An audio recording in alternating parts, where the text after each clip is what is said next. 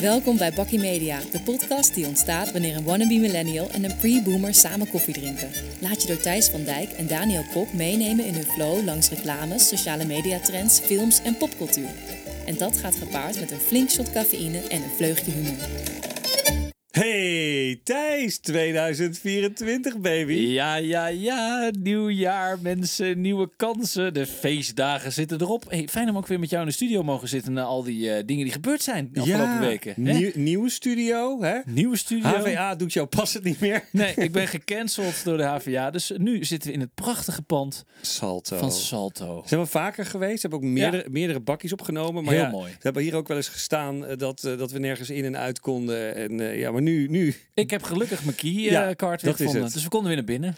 hey, en eh, dus ja, eh, jaar erop zitten. Eh, heb je nog wat, eh, wat centjes verdiend met de loterij? Eh, as if. Eh, nee, nee, ik heb mijn lot eh, laten wegwaaien in de wind. Oh, en ik heb gekozen voor echte liefde. Mooi. Ja, net zoals die mooie commercial van de Staatsloterij trouwens. Eh, Props voor Arno de Jong eh, en zijn team, moet ik zeggen. Ja, wat een romantische kerel ben je toch ook, Ja. eh, Thijs. Maar hey, ik hoor jou net zeggen, as if. Mhm. Heel mooi. Mooie tekst, maar wist jij dat dit uit een film komt? Eh, nee, nee, eigenlijk niet. Dit, Nee. dit komt uit Clueless, hè? Hmm. bekend eh, voor velen. Iets- volgens mij jaren negentig. Jouw Term- tijd ook, toch?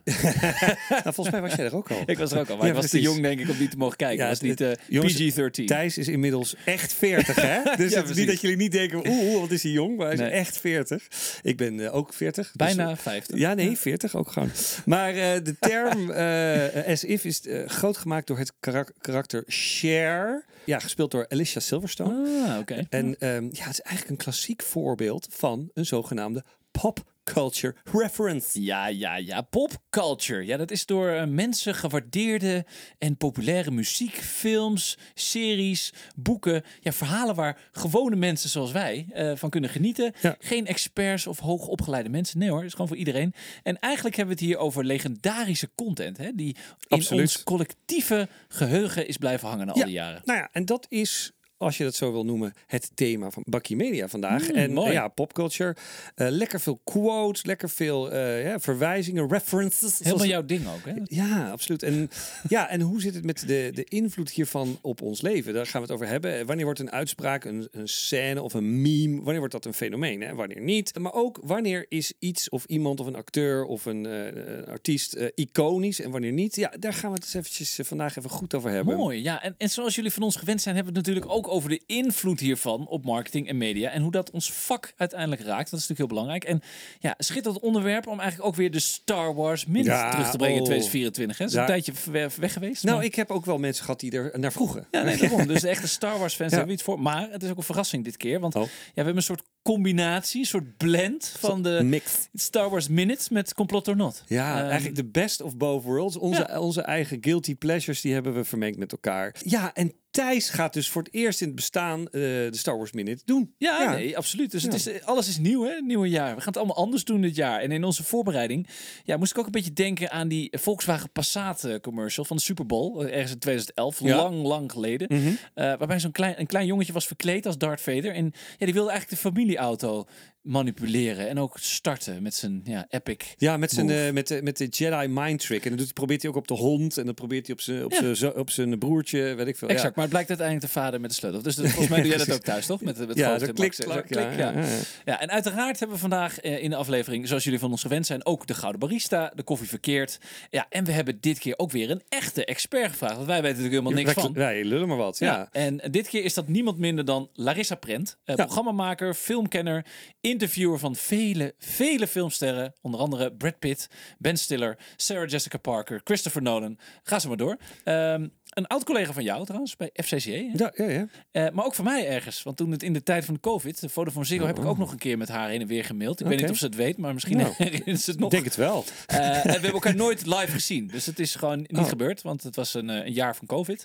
Eh, hey, en jij, Daniel, als filmfan, ja, jij loopt natuurlijk waarschijnlijk helemaal over van de popculture verwijzingen, Nou ja, of niet? kijk, iedereen heeft iets anders. Weet je, de een houdt van series, een ander heeft muziek, een ander heeft weer heel erg boeken. En het gaat eigenlijk om alle soort van eh, cult cultuurdingen die om je heen gebeuren. En voor mij is het inderdaad een film. Iedereen die me een beetje kent weet dat ik echt eh, inderdaad film en series, dat, eh, ja, dat vind ik echt helemaal fantastisch. Ja, en, en dat eh, vermengt zich ook een beetje in mijn taalgebruik. Daar duikt het op. En zo hoorde ik mij mezelf van de week nog zeggen, ja, dat is een beetje een glitch in de Matrix. Ah, dat is ook echt een serieuze klassieker. Ja, Voor precies. mensen die die film niet hebben gezien, ga die ook nog even kijken. Maar Ja, de Matrix, ja. je hebt vast nog wel even wat, wat meer voorbeelden. Gooi maar even ja, ik, ik strooi gewoon. Hè. Ja, bijvoorbeeld Houston, We've Got a Problem. Ja, nou, die gebruikt iedereen wel. Ja, het komt uit de film Apollo 13. Super Hmm. veel gebruikt. Ik zag ook dat het ook eh, echt eh, iets in die trant ook gezegd is. Hè, bij de echte Apollo 13 missie. Klopt echt ook. Nou ja, het is inderdaad eh, populair, popculture, Hmm. populair gemaakt door, nou ja, door de film.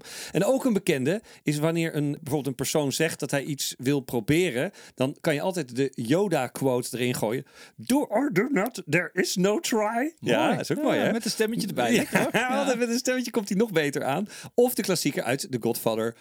I'm going to make him an offer he can't refuse. Ja, Oh. oh, lekker. Ja, hoor. ja, ja, ja, ja. Heb ik er ook nog wel eentje. Of Show me the money. Ja, show me Waar the- is die van, hè? Tom Ja. Cruise uit Jerry Maguire, zeker. Ja. Nou, en dichter bij huis. Ik heb ook even mijn huiswerk gedaan dit keer. Ja. Eh, heb je ook een paar klassiekers die zich een beetje in onze spreektaal hebben genesteld? Wat dacht je onder andere van Goeie Moggel? De Hoerol.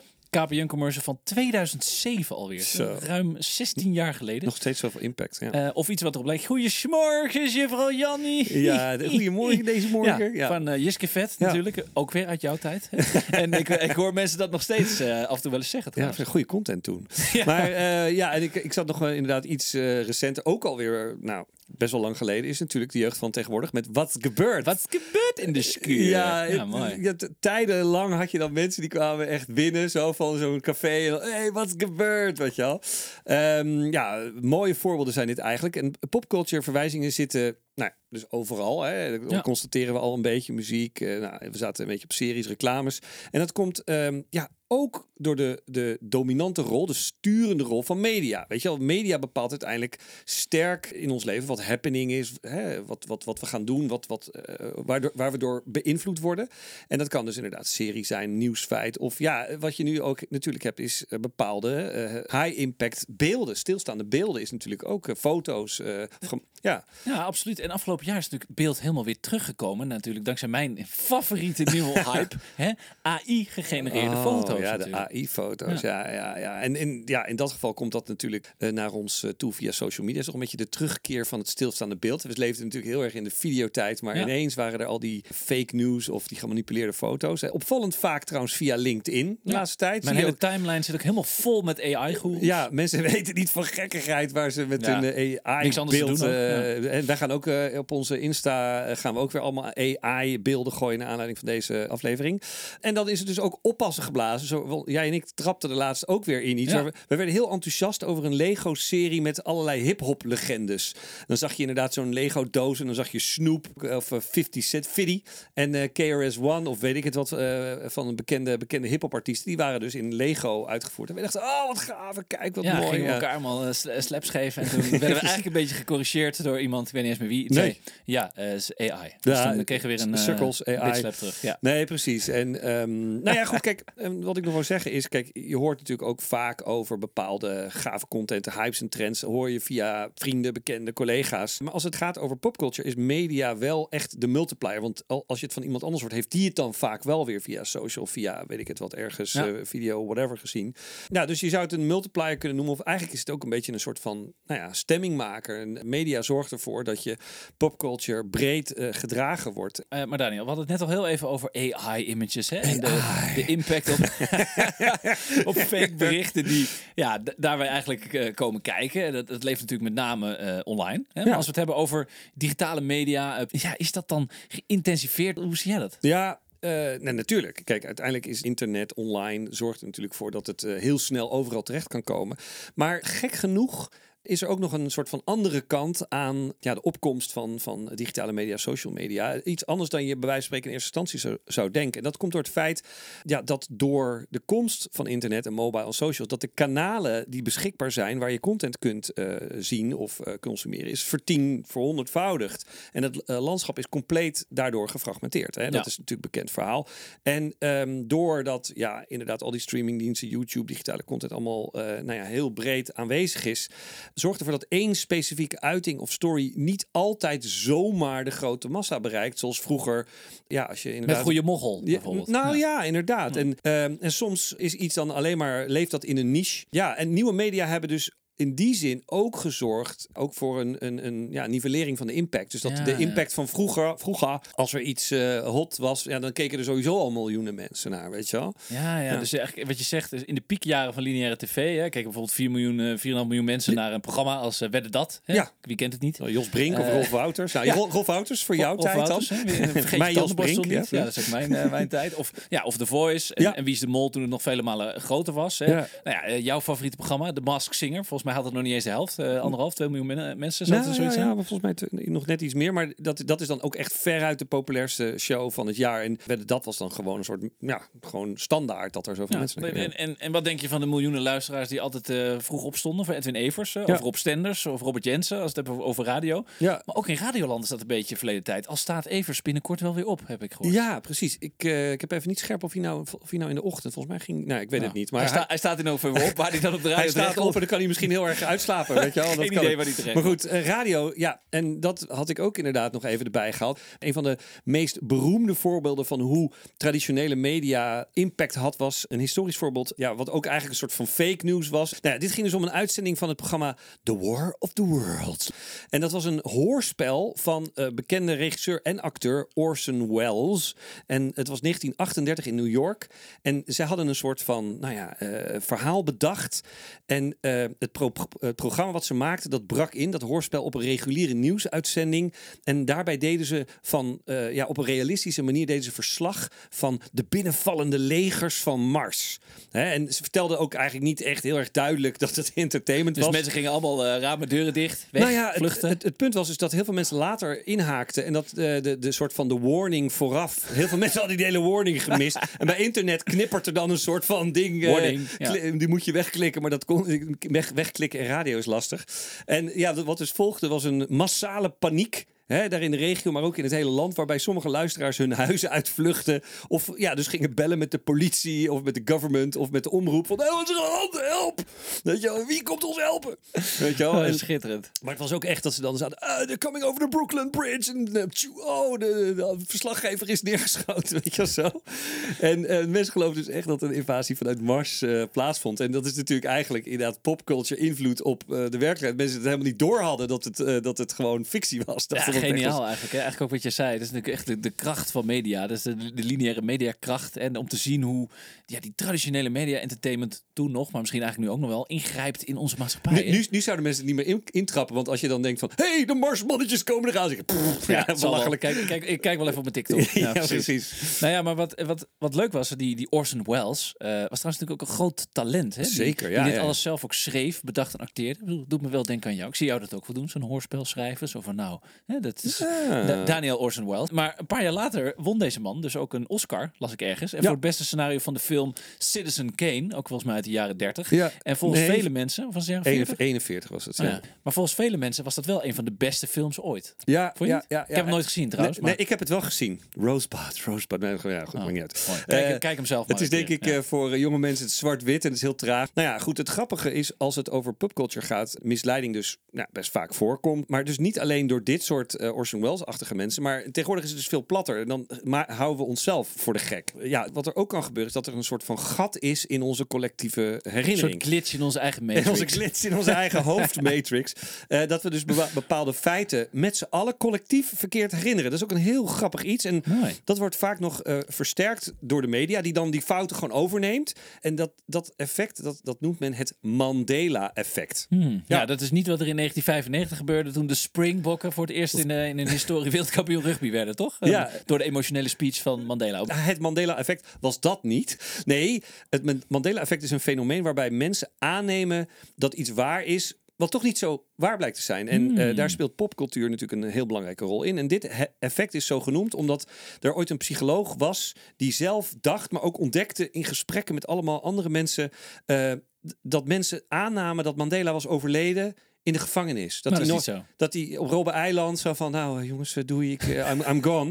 Maar dat klopt helemaal niet, weet je wel. Ehm, de- hij is nog eruit gekomen en weet je, hij is nog president geworden van Zuid-Afrika en hij overleed netjes gewoon in zijn eigen huis. Dus maar heel veel mensen namen aan dat dat zo was. Dat is dus het Ja, Mandela-effect. wel interessant, hè? Dat is, Ja. Het is gewoon grappig hoe dat in je brein kan gaan werken. Maar heb je dan ook nog wat concrete voorbeelden? Ook nog wat dingen die misschien op ons vak van toepassing Ja, zijn? ja, ja, ja. Nou, ja, dit, dit zit, zit eigenlijk van alles en nog wat. Ik geef je een voorbeeld uit, uit de Star Wars Minute. Hè? Stiekem omdat jij hem afpakt, eh, Ja. doe ik ook een week een mini Star Wars seconde. Dus eh, bijvoorbeeld de, be- de beroemde zin van wat Darth Vader tegen Luke zei. Wat, wat kan jij ervan herinneren? Weet je Ja, wel? dat is makkelijk toch? Dat is Luke, I am your father. Ja, nee, en dat is dus mooi. Dat klopt dus niet. Oh. Hij zei dus, no, I'm your father. Dus hij zei helemaal niet, Luke, I'm your father. Wat een Hij zei, deceptie is dit, "No." man. Ja. Ik bedoel, ik heb serieus echt altijd gedacht dat het anders was. Ja, nee, echt geen, geen, geen gekkigheid. Nou ja, en dan nog eentje. Het eh, liedje van We Are the Champions van Queen. Hoe eindigt die? Eh, met de zin of the world. Ja, ik ben altijd heel goed de liedjes Ja, afmaken. ja, met kerst ook heel goed ja, gedaan trouwens. Ja, dus dat dacht ik dus ook. Weet je wel? We are the champions of the world. Dat- Maar nee. Nee, Oh. zo, het eindigt gewoon. We are the champions. Klaar. En het is echt, ik heb het nog Jeetje gecheckt. mina, ik ben echt helemaal stil van. Nee, ja, dus ik ben op Spotify, YouTube gaan, gaan luisteren. Bestaat gewoon niet. Eh, of the world, ja, dat is misschien een keer op een WK of zo, dat iemand het er een keer achteraan gezongen heeft. Ah, Maar ja.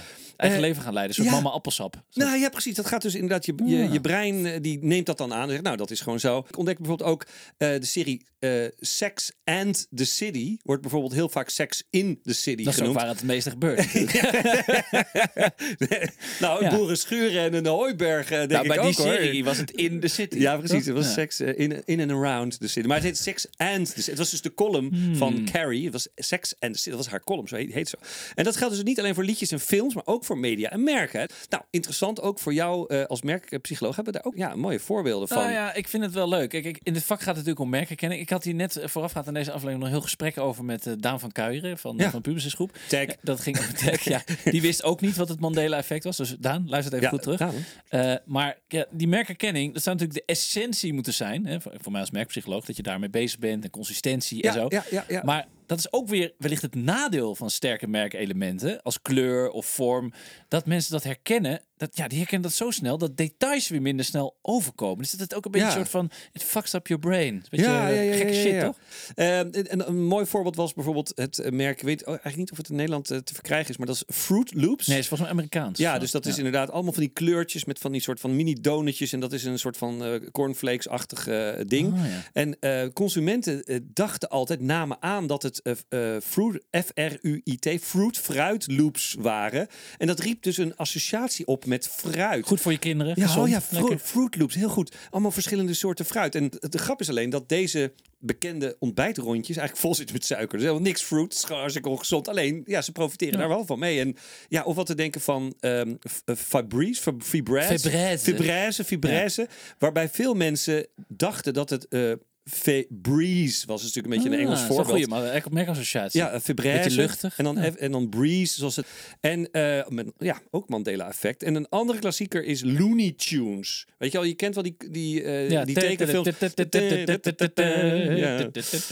Ja, Dus dan Looney Tunes denken mensen aan cartoons. Maar nee, het is Looney Tunes. T-U-N-E-S. Ah, een soort tunes. iTunes. Het, ja. een soort iTunes. Het zijn eigenlijk een soort klanken. Dus ik denk dat het misschien uit de radiotijd is overgekomen. Maar het is ook weer zo'n mooi voorbeeld. Ja, het is echt interessant. En ik, ik had hier nog nooit over nagedacht toen we, ons erin, weet je, toen we het hierover hadden. dacht ik, wauw, dit is echt, echt boeiend, weet je. En sommige dingen wist ik dus echt niet. Dat ik echt dacht van, ja, ik, ik weet gewoon echt niet hoe ik, het, eh, hoe ik dat zie. En nou, mooi om te zien dus eigenlijk hoe onderscheidende merkelementen en merkconsistentie in je merkcommunicatie of in je marketing het Mandela-effect kunnen versterken of kunnen bestrijden. Dat is wel, eh, wel boeiend, moet ik Ja, zeggen. ja, Leuk, ja, ja. ja, ja. Leuk nieuwsfeitje zo voor vandaag. Hey, en, en popculture is natuurlijk ook enorm belangrijk voor merken. Hè. Denk aan al die iconen uit de muziek en films die in commercials zitten. Vol- Volstrekt logisch natuurlijk. Maar merken willen in, on- in ons collectieve geheugen ja, van het publiek ook wel eh, blijven hangen. Hè. En, om die reden wil ik na het geweld van de supermarkt kerstcommercials eh, van de afgelopen weken en afgelopen maanden eigenlijk, Ja. de hele decembermaand, even kijken naar een kerstcommercial van een ander type Ja. Oh, ja. Maar hey, wacht eens even, eh, meneer Van Dijk, meneer, meneer de merkpsycholoog. Ik denk dat jij mede debet bent Aan het Mandela-effect. Nee, nee, nee. Aan het hele supermarkt eh, Oh. kerstcommercial eh, geweld. want jij was afgelopen weken niet weg te slaan Nee. van de landelijke media. Waarin jij als kerstcommercial fluisteraar overal bij de Telegraaf en bij de AD en bij de weet ik veel Hart van Nederland. Die was inderdaad echt Mister Mister. Maar goed, Mr. dat even, Christmas, Dat ja. even te zeggen. Ga Oké, verder. Vooruit. Oké, wacht. Ik, ik was medeschuldig Ja. aan dit eh, geweld. Maar om deze mooie PR-fase af te sluiten. Het nieuwe jaar op een mooie manier te starten. En een fantastische popculture reference die, ja, die ik leuk vind. Onder aandacht te brengen wil ik graag een gouden barista uitdelen.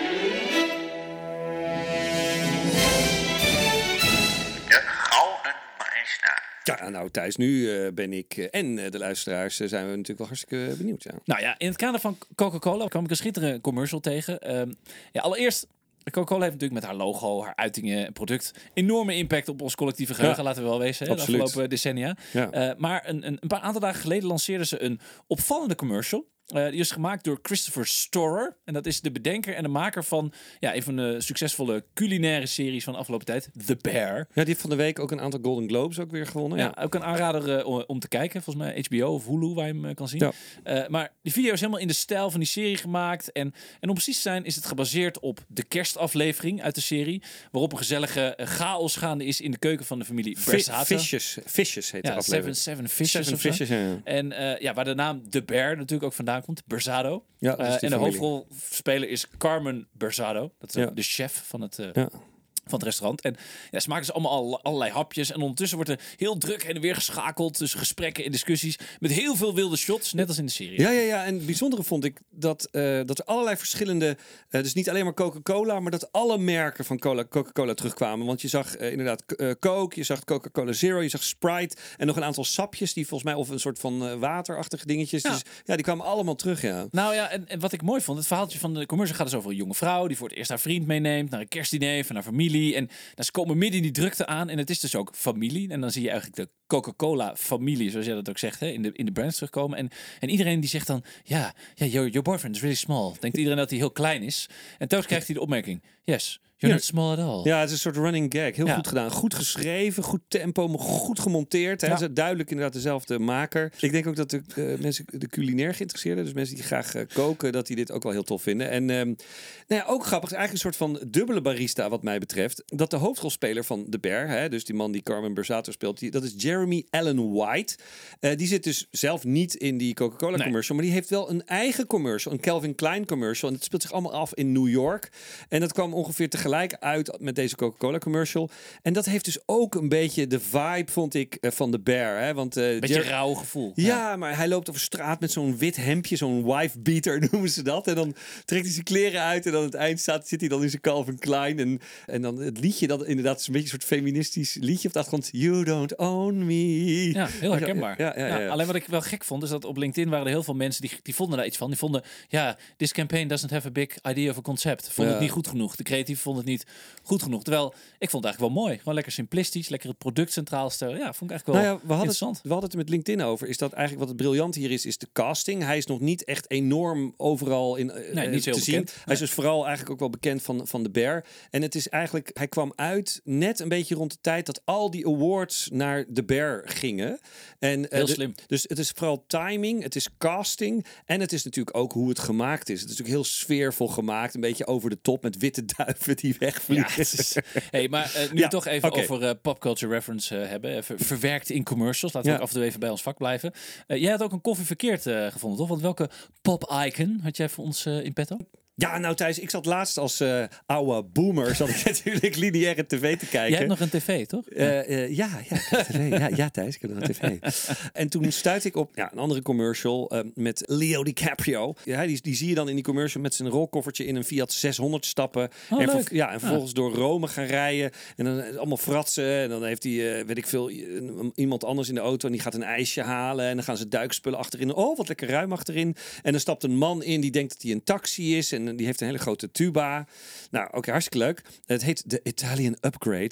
En, nou ja, en toen, wat ik verder, toen ik wat verder keek, ja, ik, ik had het nog nooit eerder gezien. Ja, kun je nagaan. Zelfs niet op lineaire tv. Nee, nee, nee, precies. Maar ik kwam erachter dat, dat Leo al een paar jaar reclame... Hij is niet alleen maar bekend omdat hij modellen van eh, in de 20 deed, maar dat hij dus ook al een paar jaar reclame maakt voor alle elektrische modellen van Fiat. En kijk, het ging ik nadenken, dacht ik, ja, rationeel snap ik het wel. Ja, DiCaprio, weet je wel, Italiaanse naam. Hij is bekend, zo, hè, weet je, op zich eh, ook goed. Ehm, en hij is ook een soort van ja, klimaatvoorvechter, weet je wel. Hè? Dus een soort van milieupaus. maar wat me er een beetje aan stoort, is dat, nou ja, hij is natuurlijk een multi-multimiljonair.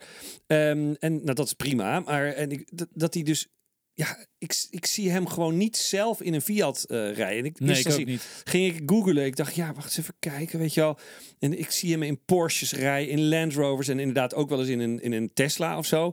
Maar het, het voelde voor mij gewoon niet geloofwaardig, weet je wel. En, en, en we hadden net, ja, je had het over timing en casting. En je hebt natuurlijk inderdaad mooie voorbeelden van hoe ja, eh, eh, bekende acteurs voor parfumreclames eh, werken. Dus, Charlize Theron zit nu inderdaad eh, voor Dior. En je hebt Rihanna die Louis Vuitton op dit moment endorst. En ja, die voel je wel. Dan denk je, ja, nou, ja, dat, ik denk dat ze dat wel zelf ook gebruiken. Weet je Ja, wel. ik ben het met je eens. Ik denk dat ze ook een flinke gage voor deze man betalen. Maar toch, Zeker, ja, maar goed, ja, als je het dan hebt over Johnny Depp hè, voor Dior in de Abris. Ja. Vond ik dat een beetje too soon misschien. Of Ja. Brad Pitt voor DeLonghi. Kan wat mij betreft ook niet echt tippen aan de Clooney-uitingen met Nespresso. Is het een beetje gek? Ik vind het zo raar. Dat ik denk van, oh, oh dit werkte voor ons. Oh, let's steal this. Ja, ik, ja, ik laten weet we- niet. Ik geloof het niet, man. Laten we andere... Ja, en Clooney is natuurlijk echt inderdaad... Die zit op eenzame hoogte als het gaat op eh, popculture, celebrity endorsements, om het zo maar eens te noemen. Nou, het is gewoon een merkelement geworden van Nespresso. Ja, en dat zie ik Brad Pitt niet worden van nee, DeLonghi. nee het is heel erg soort gekopieerd. En,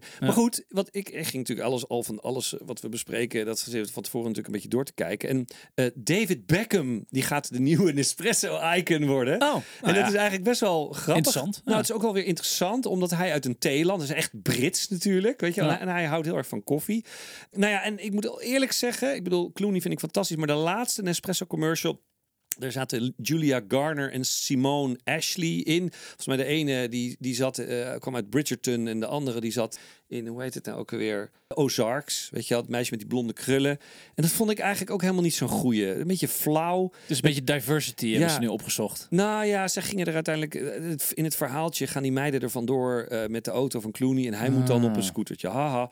Weet je, en het mist een beetje echt dat dat ja, dat Clooney genieten. Maar goed, ze kunnen, moeten een keer wat anders, dat snap ik ook wel.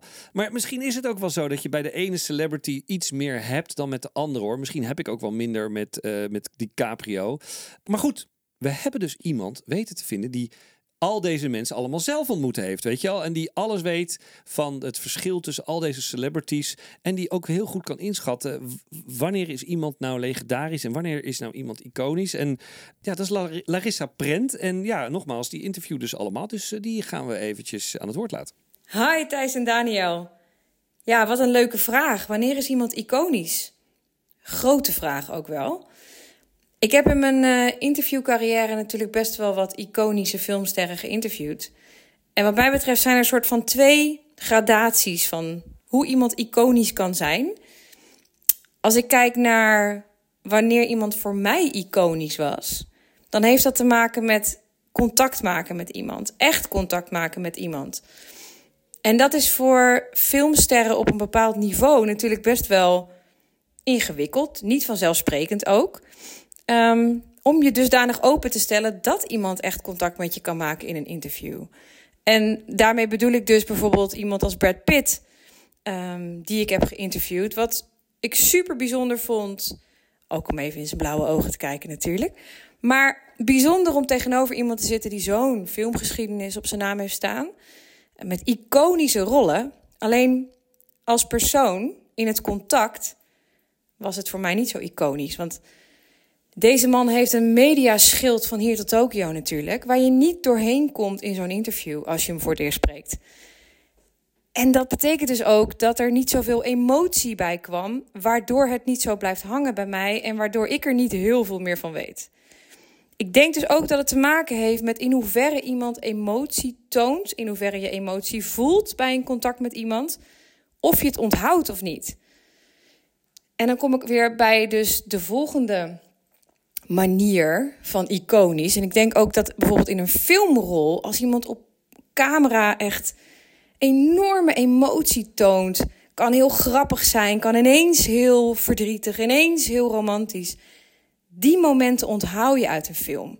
Die knallen eruit, dan wordt je eigen emotie meegenomen. En zodra er emotie bij komt, dan onthoud je het. Ja, en als ik nou kijk naar mijn interviews, naar wie er wel is blijven hangen, dat is bijvoorbeeld Jake Gyllenhaal. Daar hadden we echt een slappe lach in het interview. En dat zal ik nooit meer vergeten.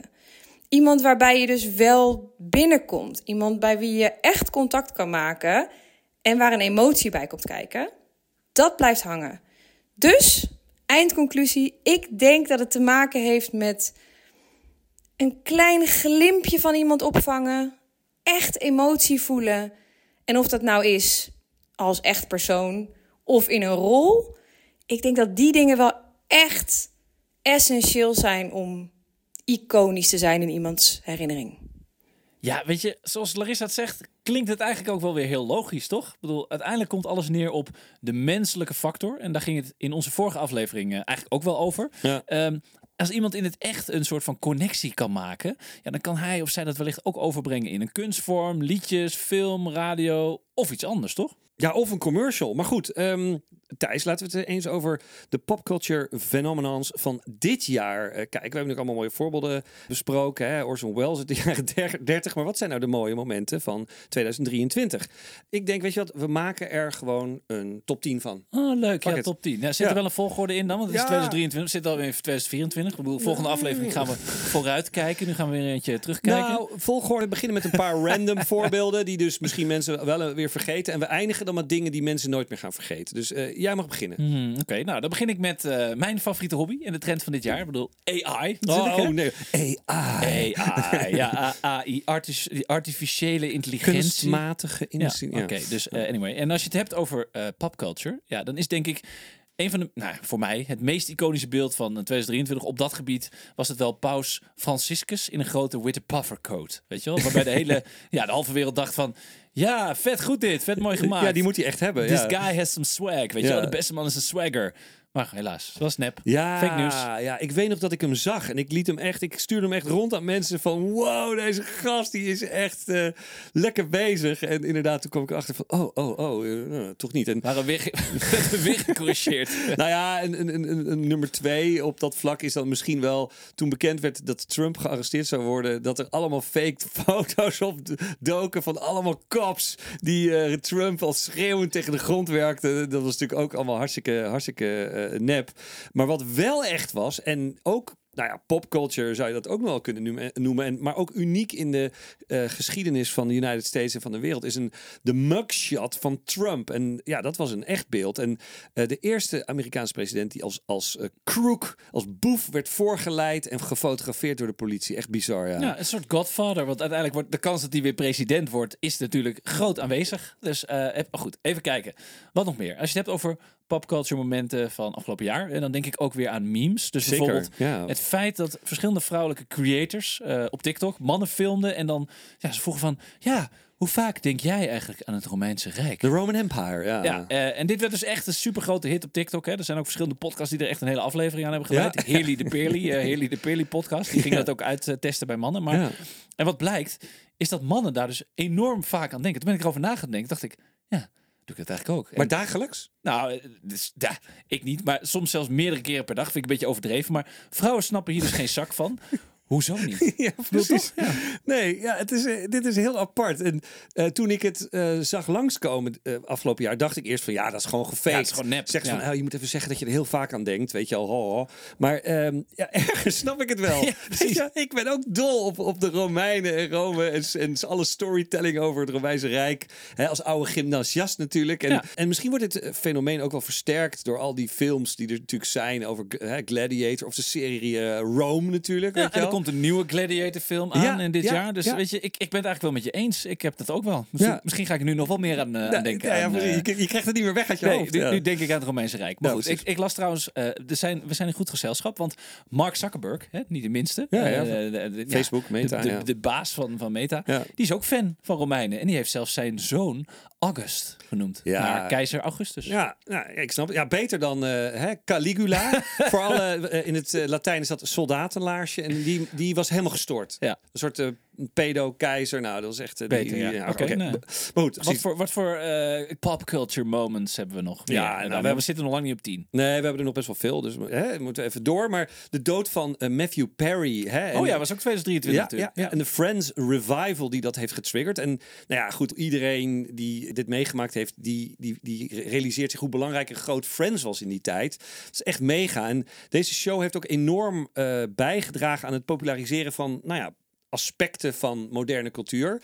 Eh, bijvoorbeeld het bekende dertigersdilemma. Weet je wel, Ja. mensen die nog niet helemaal gesetteld zijn, worstelen met hun relaties, carrière, commitment. Vaak wonen ze nog bij elkaar in een soort van Een soort Rachel en Ross. ja, ja, een soort semi-studenten, eh, studentico soms. En, maar ook bijvoorbeeld eh, wat kleinere iconische dingen, zoals het Rachel-kapsel, wat toen heel populair was. En ja, en nu kennelijk, las ik ook, wist ik niet, ook weer helemaal terugkomt op, op TikTok. Ja. Van, wat denk je hiervan? De tekst How you do? Ja, van Joey, hè? niet te vergeten. Ja. Die is nog steeds, eh, is ook een popculture Ja. reference die nog steeds gewoon eh, levend is, toch? Ja, ja, ja. En, en ik las dus ook dat bijvoorbeeld het fenomeen Friends with Benefits ook Hmm. gepopulariseerd is eh, hierdoor. En, ehm, ja, en wat ik ook las, wat ook wel bijzonder is, is dat toen deze serie kwam, echt een beetje in de jaren negentig, toen waren er helemaal niet zo heel veel coffeeshops. Toen was het eigenlijk Nee. allemaal, ja, zeker in Nederland was het gewoon een café, daar kon je gaan zitten Nou, of zo. Starbucks bestond niet, de Nee, Company. nee, nee, nee. En weet ik veel, bagels en beans en al, al dat soort dingen. Coffee Company.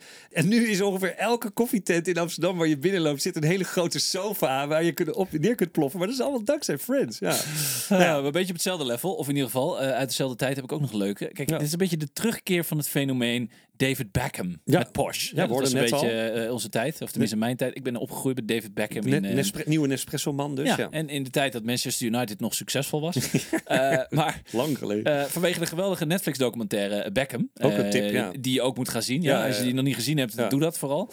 Ook als je geen grote voetbalfan bent, is dat eigenlijk wel geweldig. Er komen wel wat voetbalreferences voorbij, Tuurlijk. maar veel andere dingen. En ja, 2023 was natuurlijk ook het jaar dat Beckham eh, eigenlijk Lionel Messi verrassend ook naar zijn club Inter Miami heeft gehaald. Ja. Nadat eh, Messi wereldkampioen werd, eh boem, gewoon naar Inter Miami. ja. Ehm, en als je het dan hebt over popculture, ja, dat komt ook in die documentaire heel erg naar voren. Wel echt super vet hoor, hoe die dat gedaan heeft. Of nog even een kleine weetje wat ik toevallig laatst tegenkwam. Is dat de Beckham documentaire is geregisseerd door een man die heet Fisher Stevens. Nou oké. Nou, nooit van gehoord. Nooit van gehoord. Nee. Maar dat is dus de man die eh, in de serie Succession speelt hij Hugo. En dat is dus die rattige, beetje Oh, PR-man. Die was, is de documentairemaker. En die heeft dus ook al een Oscar gewonnen. Dus Beckham zei van ja, die wil ik wel hebben. Ja. Ah, wat gaaf. Ja, en in deze documentaire van Beckham zie je dus ook hoe die ja, eigenlijk zijn hele leven zo enorm veel bakker, bagger over zich heen kreeg. Dat is natuurlijk op social media nu helemaal de, hè, de orde van de dag, hè, Ja, de online ja, heet. Maar in zijn, in zijn tijd was het anders. Was de tabloids en de, van de pers en het publiek. Hè, die Simeone een trap gaf en dat hij een rode WK, Nou, WK, heeft ja. jarenlang is, ze hem achtervolgen. Maar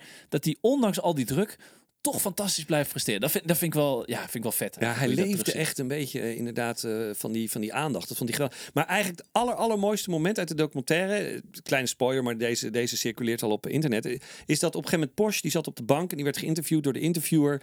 En zij vertelde dus tegen de interviewer van, ja, ja, weet je, ik ben net als David, ben ik eigenlijk working class. Weet je wel? En dan op dat moment steekt Beckham zo zijn kop round the corner en die zegt van, baby, come on, be honest, be honest. En zij zegt, ja, I'm honest, I'm honest. En dan zegt ze, nee, vertel even tegen de, tegen de interviewer, met welke auto bracht jouw vader jou vroeger naar school? En zij zo, nee, nee, maar dat doet er niet toe. Nee, welke auto? En zij zegt, eh, ja, mijn vader bracht mij altijd in een Rolls Royce. Ja, dat is een heel moment. Ook wel een hoogtepunt van de serie. En ook, ook daar wordt al over gespeculeerd van... is dat nou echt of is dat dan weer geregisseerd? Want Ja. dat is natuurlijk een moment Goeie. wat viraal gegaan is. Hè? Dus ze hebben echt Ja. een soort van viral gecreëerd. Dus er is echt al over, wordt ook alweer over gespeculeerd. Maar goed, Nou ja, nou ja precies. Een, een staartje hiervan dan is dat, dat business instinct. Want het zijn eigenlijk twee zakenmensen. Het zijn twee, echt twee hardwerkende zakenmensen. Dat, dat zie je ook wel een beetje in die serie. Want wat Porsche dus gedaan heeft, die wordt daar eigenlijk een beetje te kakken gezet door David. Die heeft onder haar eh modelabel Victoria Beckham een wit t-shirt op de markt gebracht met de tekst My dad drove a Rolls Royce. Is. En nou komt het. Dat shirt, dat verkopen ze voor 150 dollar. maar goed, oké. wat waren nog meer popculture momenten voor jou? Nou ja, kijk, de overname van Elon Musk van Twitter, wat dan veranderde in X voor 44 miljard hè, vorig jaar. En de metamorfose daarvan, dat is natuurlijk enorm. Heb ik ook helemaal uitgemeten. Hebben we ook heel veel over gediscussieerd natuurlijk in ons vak. Ja. En nou, ja, eh, X staat nu enorm onder druk. Bestaat het straks nog wel in 2024? Hè? Misschien gaan de koffiedik-kijkers wel voorspellen dat X echt kapot gaat. Nou, dat is ook wel een makkelijke Dat voorspelling. is een makkelijke. Ja. voorspelling. Maar goed, het begon als een spectaculair nieuwsfeit waar wij het nou, eh, heel lang over gehad hebben. Maar ja, Musk ontsloeg allemaal webcare-medewerkers die de dingen zouden moderaten en eh, dingen zouden censureren. En Likma ja, Johnson. ja, Lekma Jo- Lekma Johnson, die ooit nog eh, terugkwam in, Ja. een, in een aflevering. Ja, en, precies. En hij liet Donald Trump weer toe op het platform. Eh, nou, maar sindsdien rennen dus op X de gebruikers weg, de adverteerders weg. Nou, het is echt down the drain aan het gaan. En ja, Meta deed natuurlijk heel slim. Die startte met een concurrent in de vorm van Threads. Ik zag ook al dat jij je eerste post op eh, Threads hebt gedaan. Ja, klopt. zag ik voorbij komen. Ja. Dus misschien moet ik ook mal overstappen. Ja. Eh, maar ja, zit ook niet meer op X. Nee, dat- ja. En het bedrijf is inmiddels, mind you, 71% in waarde gedaald het afgelopen maanden. Boom. Van Ja. 44 miljard naar iets minder. Nou ja, precies. Maar dat is dus het grap- grappige van Elon Musk. Dan denk je, oké, hij heeft echt een dikke vette bleeder op dit moment met X. Nou, dan zal het wel ja, wat minder Slecht gaan met nou hem. ja, of slecht of wat minder gaan met hem. Maar wat blijkt, hij is dit jaar weer de rijkste man op aarde geworden in Yes. 2023. Met een geschat vermogen van 270 miljard dollar. Oh, dus en hij is, ik het niet heb. nou ja, goed. En hij is op dit moment ook de enige met een vermogen meer dan 200 miljard. Dus god zeg. Echt, en eh, hij kreeg er dus 100 miljoen bij. Dankzij Tesla, dat dus in een jaar tijd 2,5 keer zoveel waard werd. En ook door SpaceX, die dus op dit moment ook heel erg samenwerkt met NASA. En NASA kan niet meer zonder bedrijven zoals SpaceX. En bizar toch dat hij du- dus met, eh, met X.com gewoon 2, eh, 25 miljard kan laten verdampen. zonder dat hij daar uiteindelijk last van heeft. Bizar. Ja. Maar het is net alsof deze man gewoon het leven ziet als een groot casino of zo. Weet? Ja. Dan gaat hij op dingen gokken. En, en tegelijkertijd, wat ik dan interessant vind, is dat er 0 euro cash staat op zijn BV's. Het is allemaal waarde, maar het staat geen geld op zijn rekening. Helemaal niks. Hij is een papieren miljardair. Ja. Zit gewoon al, allemaal in zijn bedrijven. Maar goed, hij leeft in een tweekamerappartement ergens in Ik heb een Texas. foto gezien. Ja. Of logeert bij vrienden. Kan ook totaal niet presenteren. Ga eens een keer naar YouTube en ga eens kijken naar de presentatie van Elon Musk. Maar stottert. Hoe controversieel hij ook is, ja, je kan hem niet verwijten dat hij geld uitgeeft aan jachten of een jetset leven, zoals jouw vriend eh, Leonardo DiCaprio. hadden. Eh, maar hij komt wel voor in heel veel memes en gifs. Dus hij is een soort van eh, de, ja, born in popculture. dat dan weer wel. Ja, ja, ja, Maar goed, ja. maar goed nou ja, dan komen we een beetje bij de finale. Bij de drie meest in het oog springende pop, Spannend. pop culture references, phenomenons. Laten we zeggen, ja, de, nou ja, de, Onze persoonlijke top 3. nou ja, precies. Maar dit is, hier, hier kon niemand omheen. En we hadden het net over hoe Beckhams in hun leven zijn ja, nagejaagd en besmeurd en kapot gemaakt zijn door de, de pers. Maar we hebben een andere groep die, bij wie dat eigenlijk historisch nog heftiger is. En wat ook inderdaad een, een leven gekost heeft. En dat is onze nummer drie, de Royals. De, Royal Brit- family. De British Royals. Ah. Een Engelse koninklijke familie. En dan, weet je, dan heb ik het dus over zowel de echte Royals als de fantasie-avatars die we kennen uit de Netflix-serie eh, The Crown. Ja. Oh ja, dat is een van jouw favoriete series op Netflix. Ja, Zeker, ik, ik kom daar gewoon echt niet doorheen. Maar goed, weet je, als je, ja. als je dat leuk vindt, eh, kijk dat vooral. Maar ja, dit jaar werd natuurlijk ook Prins Charles gekroond tot King Charles. King 2023. Charles, ja. Ja, dat was natuurlijk ook een eh, enorm eh mediamoment. Ja. Eh, heel de wereld zat lineair te kijken in die kerk hoe die dan gekroond werd. Nou, dat is natuurlijk fantastisch. Zelfs ik heb zitten kijken. Kan je nagaan? Digitaal of lineair? Lineair. Oh, heb je ja, een tv? Ja, ja, alles op via tv. Maar goed, als je dan hebt Oh. over... pop- dus duw gewoon je vriendin dus, voor de bus. precies. Als je dan hebt over de popculture, Lionel Richie, Katy Perry, Nick Cave, Judy Dench, die waren er ook bij. ja, ja, ja, ja, Net als ik. Ja, ja, ik zat ook te kijken. Maar dit alles ehm, blijft inderdaad een bizar popculture gegeven. Hè. Dus de werkelijkheid die wordt nagespeeld en deels erbij gefantaseerd door schrijvers in een schitterende serie die nou ja, iedereen kijkt, maar voor waarheid aanneemt. Dat merk je ook. Mensen zijn dan boos op Charles omdat hij eh, lullig tegen Diana deed. Maar ja, deels, deel daarvan is natuurlijk allemaal aannames en zo. Nou ja, en wat ook wel weer mooi is, is dat eh, verschillende bronnen bevestigen, las ik, dat Elizabeth en eigenlijk alle andere familieleden de serie keken. Weet je, dan krijg je een heel raar soort in- hele rare in- frame. Inception. En, en dan heb je dus ver- vervolgens de zwarte schapen Harry en Meghan... die dan video's, podcasts en boeken uitbrengen... waarin ze dan vervolgens dan weer commenten... op eh, al dan, al dan niet de, de, de, de dingen die gebeurd zijn. En de familie die slaat dan weer terug... eh, met persberichten in de Eng- Engelse tabloids. Echt zo'n rare mix tussen rea- realiteit en fictie op dit Nee, je kan moment. zien dat deze mensen echt niet heel veel te doen hebben. Dat ze elkaar gewoon alleen maar om de oren gaan slaan. Jeetje, Ja, Ja, en wat dit, wat dit gebeuren in 2023 nog een beetje complotachtig maakt, is dat er in augustus een boek uitkwam, The Endgame, niet te verwarren met The Avengers Endgame, Nee, maar heel over, de Royal Family, Ja. Eh, geschreven door ene Omid Scobie. Scobie. Eh, en hierin staat een pikant incident beschreven dat de verschillende royals hun zorg hebben uitgesproken hoe donker het kleinkind van Harry en Meghan zou worden. Hmm. Mm, ja. racist? Ja, Hmm. koninklijke royal racist eigenlijk. En nou ja, Ook nog. ehm, ja, het, het sluit ook wel best wel een klein beetje aan bij de Netflix-serie, waar, waar ook Charles gewoon niet goed uitkomt. Het is best wel een beetje een, ja, een beetje een stakker, een beetje een sneuwe gast eigenlijk. Ja, het doet Eh, bijna een beetje denken aan de, een van de nieuwste afleveringen van Black Mirror. Ook zo'n serie die we Ja. gaan kijken. Waarin iemand haar eigen leven op Netflix terugziet. Is het dan van, hey, weet je, het voelt een beetje zo van reality en fictie gaan bijna helemaal eh, eh, mixen. Maar goed, anyway. Eh, even terug naar het boek. Scobie, Eh, ja. eh, nu komt het. Alleen in de Nederlandse vertaling van dit boek stonden dus de namen vermeld van Charles en Kate als diegene die dit hadden uitgesproken. Ja. Nou, dat moest natuurlijk snel uit de handen worden gehaald, maar het kwaad was al geschied. Stond Ja. ergens in, hup, weg. Nou ja, en de speculatie is dus ook van... hebben ze expres gewoon in de Nederlandse editie dit dan even gezet en weggehaald... om, om een relletje te creëren om het boek te Een verkopen? mini-complot or not. Want waarom zou het specifiek dan in de Nederlandse versies eh, die namen staan? Weet je, weet je Kate en Charles die hebben gezegd... nee, wel vervelend hoe donker het, het kindje... Ja, dat is heel gek. heel nou gek. Oké, Anyway. Nou we kunnen uren hierover doorpraten. We kunnen een hele show over maken. Maar als ene hoogste ja, popculture moment... kunnen we natuurlijk niet om het echte popfenomeen Taylor Swift heen. Nee, ja. volgens Time is zij Person of the Year. Misschien wel Person of the Decade, als je het aan de Swifties vraagt. Ja, ja, ja, Eh, ze heeft natuurlijk haar eigen following eh, helemaal opgebouwd. Die mensen die volgen haar overal, die beschermen haar ook. Hè? Ja, ja, ja. Nou ja, en ik, wat ik ook nog weet is dat iedereen wilde kaarten voor dat concert. En dat was dus in Nederland in twee minuten uitverkocht. nou, best wel? snel, ja. Echt een popculture phenomenon als, als er al eh, één was. En ja, eh, wat dus ook zo is, is ze maakt dus al 17 jaar muziek. Hè. Het is echt niet iemand Ja, die, niet zomaar, die zomaar komt kijken. En haar, haar muziek was dus afgelopen jaar het meest gestreamd op Spotify en op Apple. Dus de meest gest- gestreamde artiest. En een hele generatie tieners die groeide dus met haar op. En haar Eras Tour hè, in 2023 is de meest lucratieve tour ooit. En de film die gemaakt is over haar tour werd de meest succes, su- succesvolle concertfilm ooit. Ik geloof 75 miljoen keer bekeken of zo. En ehm, dit was Echt. ook het eerste jaar dat zij miljardair eh, werd. En wat dus heel uniek daaraan is, zijn natuurlijk wel meer artiesten die rijk geworden zijn is dat het in haar geval grotendeels echt gewoon door haar muziek komt. En je hebt andere eh, artiesten die ook hartstikke goed zijn, maar die hebben heel veel side hustles of heel veel sponsordingen. Maar voor, voor haar is echt haar inkomsten voor het grootste gedeelte gene- gegenereerd door haar muziek. Ja. Ja, wat ik ook bizar vond, dat ik zag ergens een berekening dat door verschillende steden in Amerika, dat zij ook echt de Amerikaanse economie eh, heeft gestimuleerd in de vorm van toerisme, reizen, hotels, restaurants. En dat zijn natuurlijk allemaal die Swifties die er allemaal achterna reizen. ja, ja, ja. Eh, noem het maar op. Maar zij heeft dus echt impact gehad op economische groei. Ongeëvenaard, toch? En ja. ze veroorzaakte zelfs, las ik ergens, een aardbeving bij een van haar concerten. Ja, dit is toch echt ongelooflijk dit. Ja, en, en ook nog een leuk nieuwtje. Ze kwam in het nieuws toen ze de, de, de ik geloof meer dan 50 vrachtwagenchauffeurs die die hele tour en al die dingen die, die, die, door het hele land worden gereden,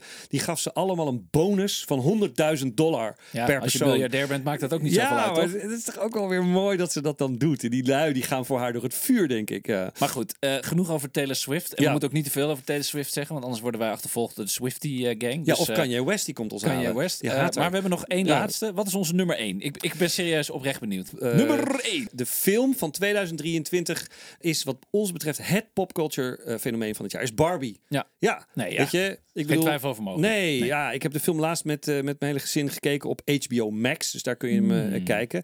Pink is back, weet je wel? Het is echt. En niet de zangeres Pink, maar gewoon de kleur. Nou ja, zangeres Pink. Nee, ja.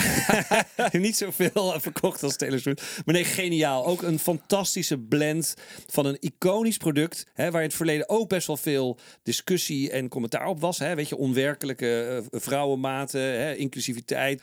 was vaak kritiek op. Maar het mooie is dat al deze dingen ook in de film worden geadresseerd. Hè. Dus in de- die zin ook een beetje hand in eigen boezem. De, de, de puntvoetjes, die er worden dan platte voetjes. Barbie die krijgt cellulitis. Hè. Margot Robbie die dat dan fantastisch speelt. De Ken die dan ineens zich heel erg miskend voelt. En op het moment dat Barbie even weg is, grijpt hij de macht in Barbie het Land. is echt bizar. En ook Mattel had zelfs zelfspot om zichzelf belachelijk te maken. Met die directeur, weet je wel, zeggen van ja, de mannelijke directeur die natuurlijk aan de macht was. Echt Ja. mega succes. En er zijn natuurlijk ook enorm veel spin-offs van gekomen. hè. Een van de grootste marketingbudgetten ooit, volgens mij, Ja. voor een Hollywood film. Ja. Eh, maar wel een 25% sales uplift, mind you, voor deze poppen. Dus ik bedoel, dat merk was, nou ja, volgens mij dood. Ja. En eh, nu is het enorm eh, aan het groeien. Laten we dat niet wel, vergeten. ook wel weer knap, weet je. Dan, dan hebben ze, weet ik veel, 100 miljoen aan marketing uitgegeven. denk ik, ja, lekker makkelijk. Maar dan lukt het wel om al die poppen gewoon weer massaal verkocht te krijgen. Dat is toch gewoon bizar. goed, weet en, je en, en, en jong en oud te verbinden. Ja. Volgens mij was het uit mijn hoofd 150 miljoen dollar aan Oh, het eh, marketingbudget. En, Hm. en ze hebben op basis van deze, ja, op, op basis van een van de characters, hebben ze Weird Barbie. Dat is een van de characters uit de film. klopt. Ook een aparte pop uitgebracht met kort haar waarop getekend was. Wat natuurlijk ook weer voortkwam vanuit een inzicht dat jonge meiden, of nou, meiden, Hmm. vrouwen van vroeger, ook met die poppen haren uit gingen trekken. En dat is natuurlijk heel slim gedaan. Nou ja, maar ook de, imperfe- de imperfectie die natuurlijk eh, tegenwoordig veel relevanter is. Ehm, maar goed. Thijs, van het, hè, dit was al onze 2023 popculture lijst. Van het ene fenomeen naar het andere. We hadden het er net al over eh, vanwege de Volkswagen reclame met de Jedi Mind Trick en natuurlijk Yoda als eh, business guru. Maar vandaag gaan we dan voor een blend van Complot or Not en Star Wars Minute.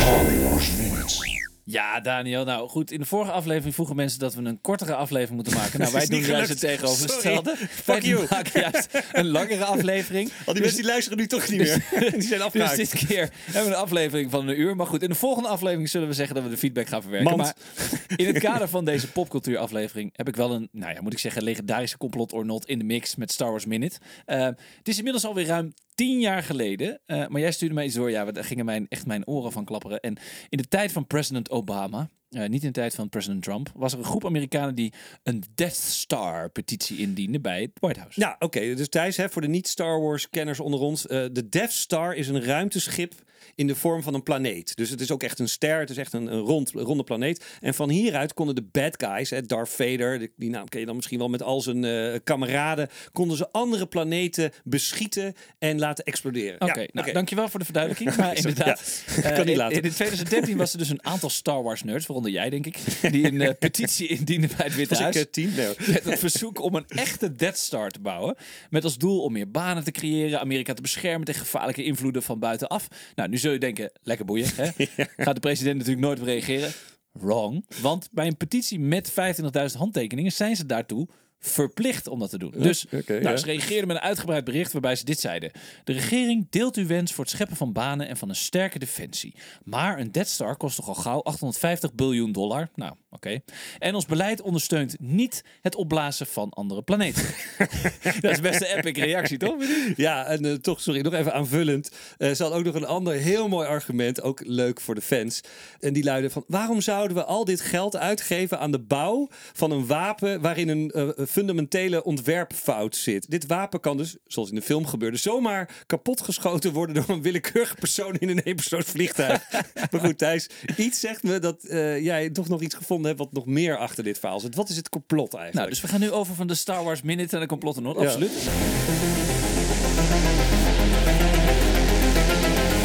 Complot or not? Op het internet vroegen veel volgers zich dus af of deze post, die natuurlijk helemaal viraal ging, Ja. ja, NASA niet bijzonder goed uitkwam op dat moment. Want zij Ja. wilden namelijk al na, ja, na jaren stilstand hun eigen ruimteprogramma pluggen. Hè, vanwege het internationale ruimtestation en onder andere de Mars rover in die tijd. En, Ja, ja, ja. Nou, nu zijn we ruim tien jaar verder en is er inmiddels een nieuwe Race to the Moon gaande. ja, Eh, met Elon ook- Musk en zo. met ook weer commerciële aanbieders, Elon Musk, Virgin. Ja. Eh, en, ja, en daarom kwam deze petitie dus recentelijk weer bovendrijven. Ja. En veel mensen vragen zich nu af: wat gaat er gebeuren bij de komende presidentsverkiezingen? Waar Trump weer een behoorlijke kans maakt om aan de macht te komen, wat ik al eerder zei. Ja. En met zijn wall en zijn ruimteschild tegen Rusland, Noord-Korea en de Mexicanen, denk ik dat de Death Star aanvraag hè, bij Trump best wel een redelijke kans maakt. En hij ook nog de kans krijgt om de kosten hè, voor het ruimteprogramma op een leuke manier te versleutelen. Ja. Ik zeg win-win voor Trump. Complot or not meets Star Wars Minute, zeg maar. Ja, ja, ja, ja, ja. Er komt ook wel weer echt een mooi deel uit de duim van, de, van de Thijs van Heerlijk, Dijken. Ja. Heerlijk. Maar goed, eh, we zijn heel ver over de tijd. Excuses nogmaals voor alle eh podcast-lengte-puristen. Eh, het is niet gelukt. Ja, Sorry. maar goed, we hebben eigenlijk twee afleveringen in één gedaan. Weet je, we waren Ja. natuurlijk lang afwezig. Dat hebben we ook gehoord. We hebben dus de Double whammy was dit. Double whammy. Dus dit zijn twee afleveringen in. Zo kun je het ook luisteren. Dus ik stop hem ergens op de helft. En Ja. ja. deze aflevering vol verwijzingen naar de popcultuur zit er alweer op. We kunnen hier nog dagen over doorgaan. We will be back. Zou de Terminator Mooi, eh, mooi. zeggen. Ja, ja, En- ja, ja, en dat is ook zo. Vrij snel, want er komt alweer een koffiedik kijken aflevering aan. Deze aflevering is te beluisteren op alle podcastplatformen. En ook kan je ons natuurlijk vinden bij onze mediapartner in Adformatie. Volg ons vooral op social media en laat ons weten wat je van deze aflevering vond. Of geef nog andere popculture references, mag ook. Eh, op Instagram kun je ons volgen via @bakkymediapodcast. Via X, eh, zolang het nog bestaat, op @bakkymedia. Eh, en ook zijn we te vinden op Facebook voor onze familie en vrienden. Laat vooral ook een review achter bij Spotify of bij Apple Podcasts, zodat andere luisteraars ons beter weten te vinden. Mijn naam is Thijs van Dijk En mijn naam is Daniel Kok. en dit was Bakkie Media en tot de volgende keer. Doei!